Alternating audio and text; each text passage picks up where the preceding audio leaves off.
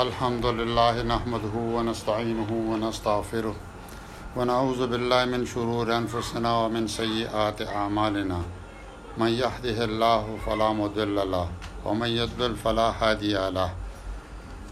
واشهد ان لا اله الا الله وحده لا شريك له واشهد ان محمدا عبده ورسوله اللہ صل اللہ محمد وعلى ال محمد كما صليت على ابراهيم وعلى ال ابراهيم انك حميد مجيد اللهم بارك على محمد وعلى آل محمد كما باركت على إبراهيم وعلى آل إبراهيم إنك حميد مجيد وعن أبي رافع رضي الله تعالى عنه قال قال رسول الله صلى الله عليه وسلم لا أولين أحدكم متكئا على أريكته يأتيه الامر من امري مما امرت به او نهيت عنه فيقول لا ادري ما وجدنا في کتاب الله اتبعنه ابو رافع رضی الله تعالی عنہ روایت کوي چې رسول الله صلی الله علیه وسلم فرمایل چې یو کس تاسو کې داسې زه اونوم چې هغه په خپل کټ کې تکیا ته ډډه والي او زما حکم زما د حکم نه یو حکم هغه ته ورسی چا ما کړی دی یا قول حکم مې کړی دی یا منې کړی مې دی یعنی اشاره کوم نه نه کول مې کړی دی او پس هغه سړی هغه کس وای چې زه خدا نه پیژنم مونږ خو چې څه د الله په کتاب کې مونږه مومو د هغې پیروي به کوو هم په دې نسبت کې یو بل حدیث ته دو درې حدیث دي دا لګو دي وعن المقدام نے مادی کر قال قال رسول الله صلی الله علیه وسلم الا انی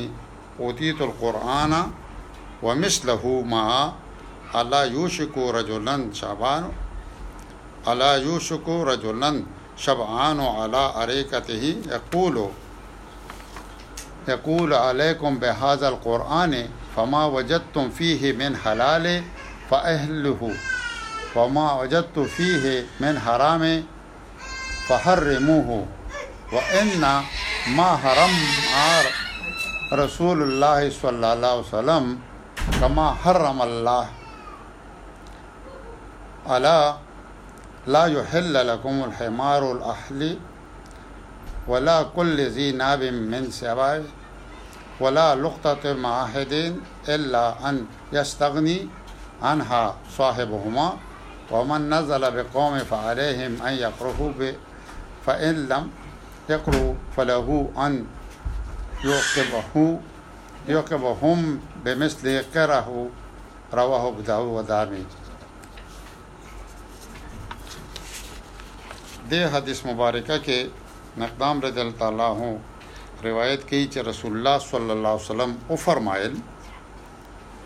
چې خبردار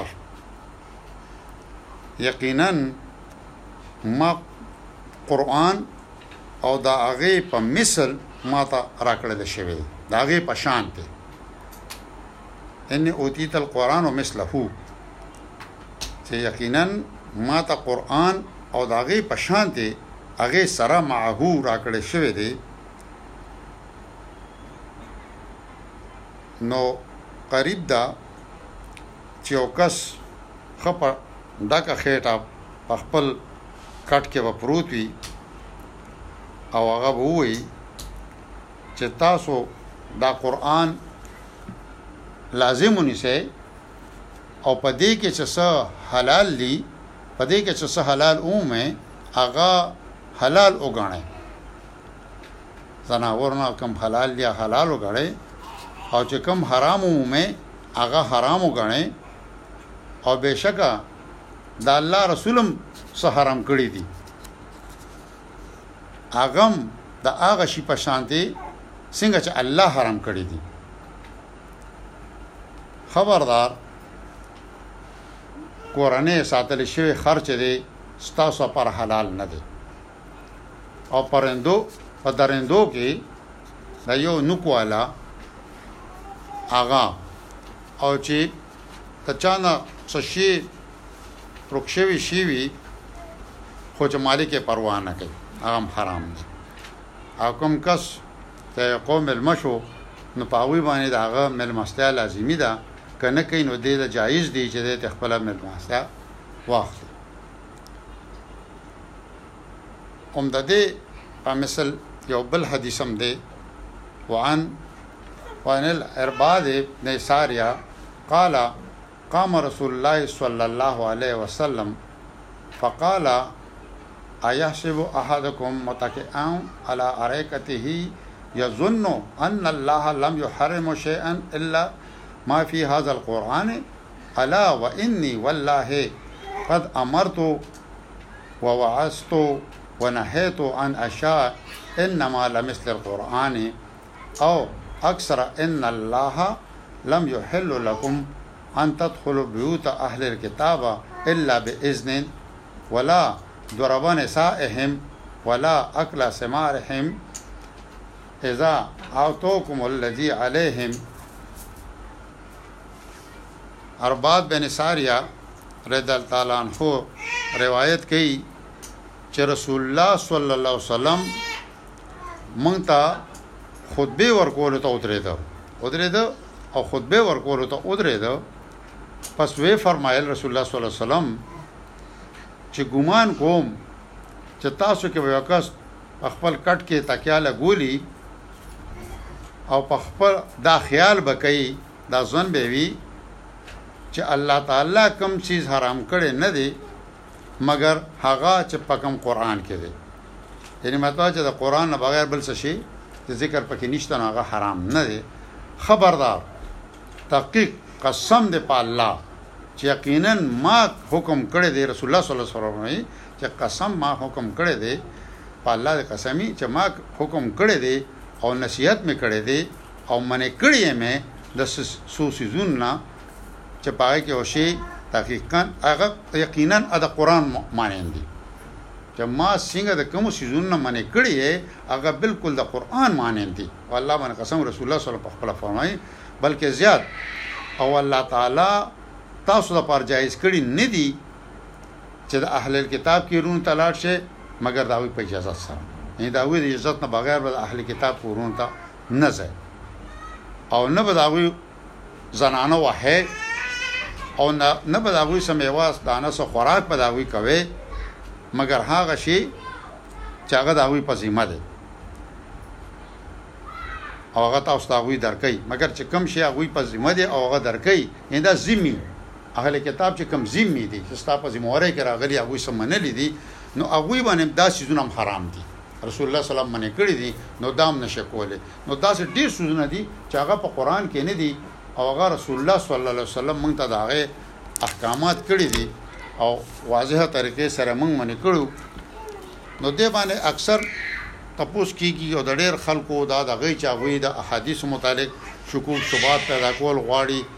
او هغه چې کم دي پدې کې چه د الله حکم او د رسول حکم کی فرق راولی چه کوم د قرآن نه بهر په احادیثو کی دی یا په سنتو کی نو د هغی باره کی یعنی د دی حدیثو په رڼا کی یو څو آیاتونه به ستاسو د پوهی د پاره راواخلو د قرآن نه چه دا تسلی وشی چه د دی حیثیت او د دی مقام څه دی او مونږ به رسو زمونږ کابیاوی په اتباع رسول الله صلی الله علیه وسلم کی ده. او الله تعالی مقرر کړی رسول او هغه د پاره په سورته شورا کې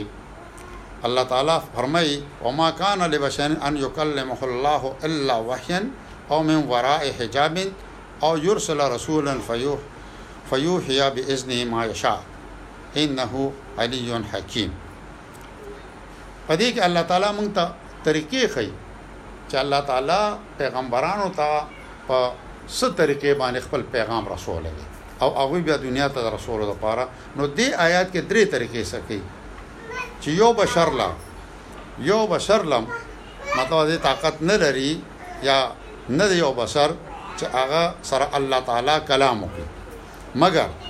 په ستر کلام کېږي په وحي په ذریعہ او یا د حجاب د پردې نه شاته یا خپل یو رسول رولیږي بل لکه فرشته رولیږي او هغه په حکم د الله په حکم د الله سره هغه هغه پیغام ورسي ها هغه ورسي او الله تعالی چې کوم دی هغه ډېر لوی حکمت والا دی دې ده کې درې خبرې بیان شوې چې یو خو وحیا لفظ راغی ځان لا نو هغه داسې دی چې دا پیغمبرانو په زړه باندې القا کیږي الهام کیږي یو شی راغی د هغوی زړه ته الله تعالی ډاریک ورته خپل دغه ورکړو او دویم دا چې پردې شاته د پردې شانه لکه موسی علی السلام ته الله تعالی خطاب کو الله یې نه لیدو خو خطاب به اوریدو رسول الله صلی الله علیه وسلم چې معراج ته لاړو خطاب کېدو د مانځه بار کې تلو راتلل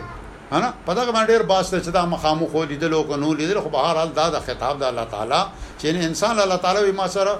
د دې نه دی دغه چې هغه انسان سره د الله تعالی مطلب دا خبرو یا دا لیدلو وس اورسی نو دا درې طریقې دې دې کې خوري او درې مته طریقه دا ده چې یا زه خپل پیغام رسون کې درولېګم او هغه زما په حکم سره چې څه زما خوخي هغه وحي ته پیغمبر ته اورسي او هغه بیا خلکو ته اورسي نو دا درې قسمه دي دې کې اوس دا یو قسم واحده چې هغه راغلي دی هغه ویل شوی دی هغه ته چې دا په قران په دې ځای کې کې دا په دې ځای کې کې هغه ته وحي یا علما ورته نوې مطلوب چې یعنی دا غي تلاوت کیږي او دا نور وحي چې کوم دي دا تلاوت ته دې نه کیږي نو هغه چې کوم رسول الله صلی الله علیه وسلم کوم مونږ ته ویل دي نو هغه په حدیثو کې ټول جمع دي او مقه شان محفوظ دي هغه په حدیثو کې او سنت رسول اشعار د الله تعالی عنہ تاسو شو چې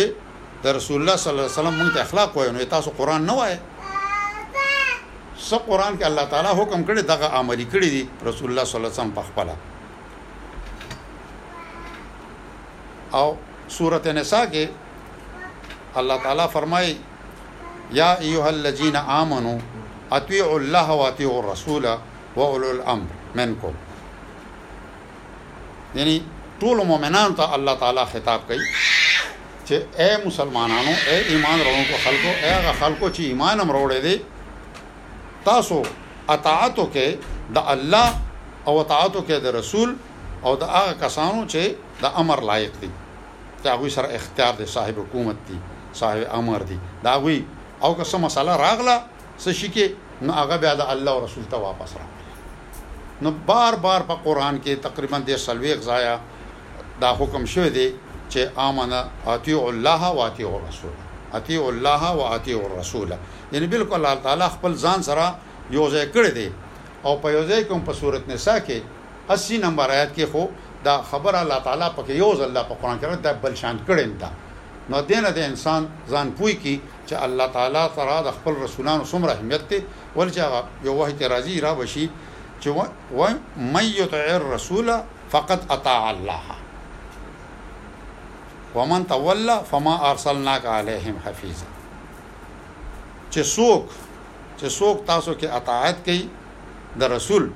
پس د تحقیق اطاعت کو یقینا د اطاعت کو د الله یعنی چې چا د رسول اطاعت وکړو دا داسې چې د الله اطاعت وکړو او پیغمبر اسلام ته وی که څوک ته دینه روګردانی کوي مختیاړی نو ته ما په دوی باندې نه لګلې چې ته د دوی نگهبان دی په زور دی خبره تا راړی نو الله تعالی خپل دغه سره تدوی د غم یو ځای کړی دی په سورته توبه کې الله تعالی فرمایي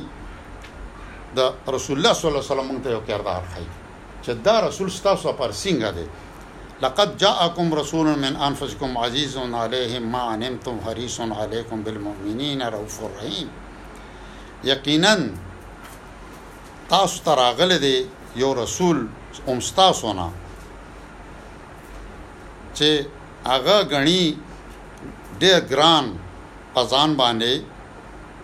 چې تاسو ته څه تکلیف ورسي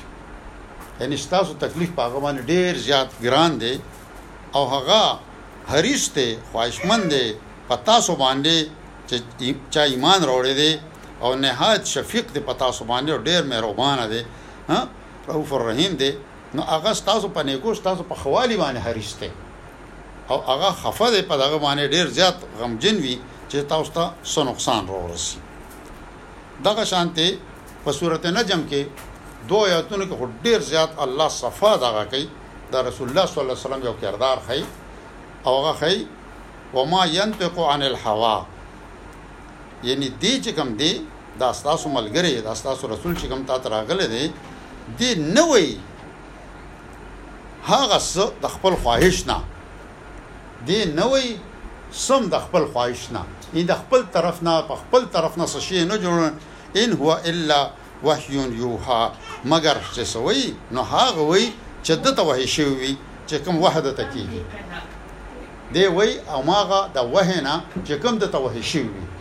نو رسول الله صلی الله علیه وسلم چې موږ ته کوم احکامات د دین راکړي دي هغه ټوټلي د الله د طرفه دي، هغې کې رسول الله صلی الله علیه وسلم د ځان نه څه نه دي جوړ کړي او کومه خبره چې په قرآن کې نشته نو هغه الله تعالی هم په قرآن کې وایي چې دا رسول ما درلېږلی هم دې لپاره دی چې تاسو ته کتاب وښيي او حکمت درته وښيي نو دا کتاب کې ډېر زیات حکمتونه داسې دي چې موږ په هغه نه پوهیږو نو هغه رسول الله صلی الله علیه وسلم په خپل ژوندۍ کې عملی کړی دي او قولا فعلا یې موږ ته خوري دي نو الله تعالی دې موږ له پدې ټولو سيزونو باندې د پوهه او د عمل کول توفیق راکړي او دا ضروری خبره چې د رسول الله صلی الله علیه وسلم هره وینا چه ده پکار چه هغه مونږ په ځای روړو په هغه عمل وکړو د ځان نه پکې هغه نه کوو څه کوتاهی نه کوو دا نه کوو چه دا په قران کې شته او دا په دې کې نشته دا منم او دا نه منم په رسول صلی الله علیه وسلم باندې ایمان راوړل وایو هم دغه ته چه هغه څه حکمونه مونږ ته کړي دي او د څه نه یې منع کړو چه هغه مونږ همغه شانتې ومنو څنګه چه الله تعالی مونږ منع کړي یو او یا راته د شي کوم حکم کړی دی صدق الله العظیم.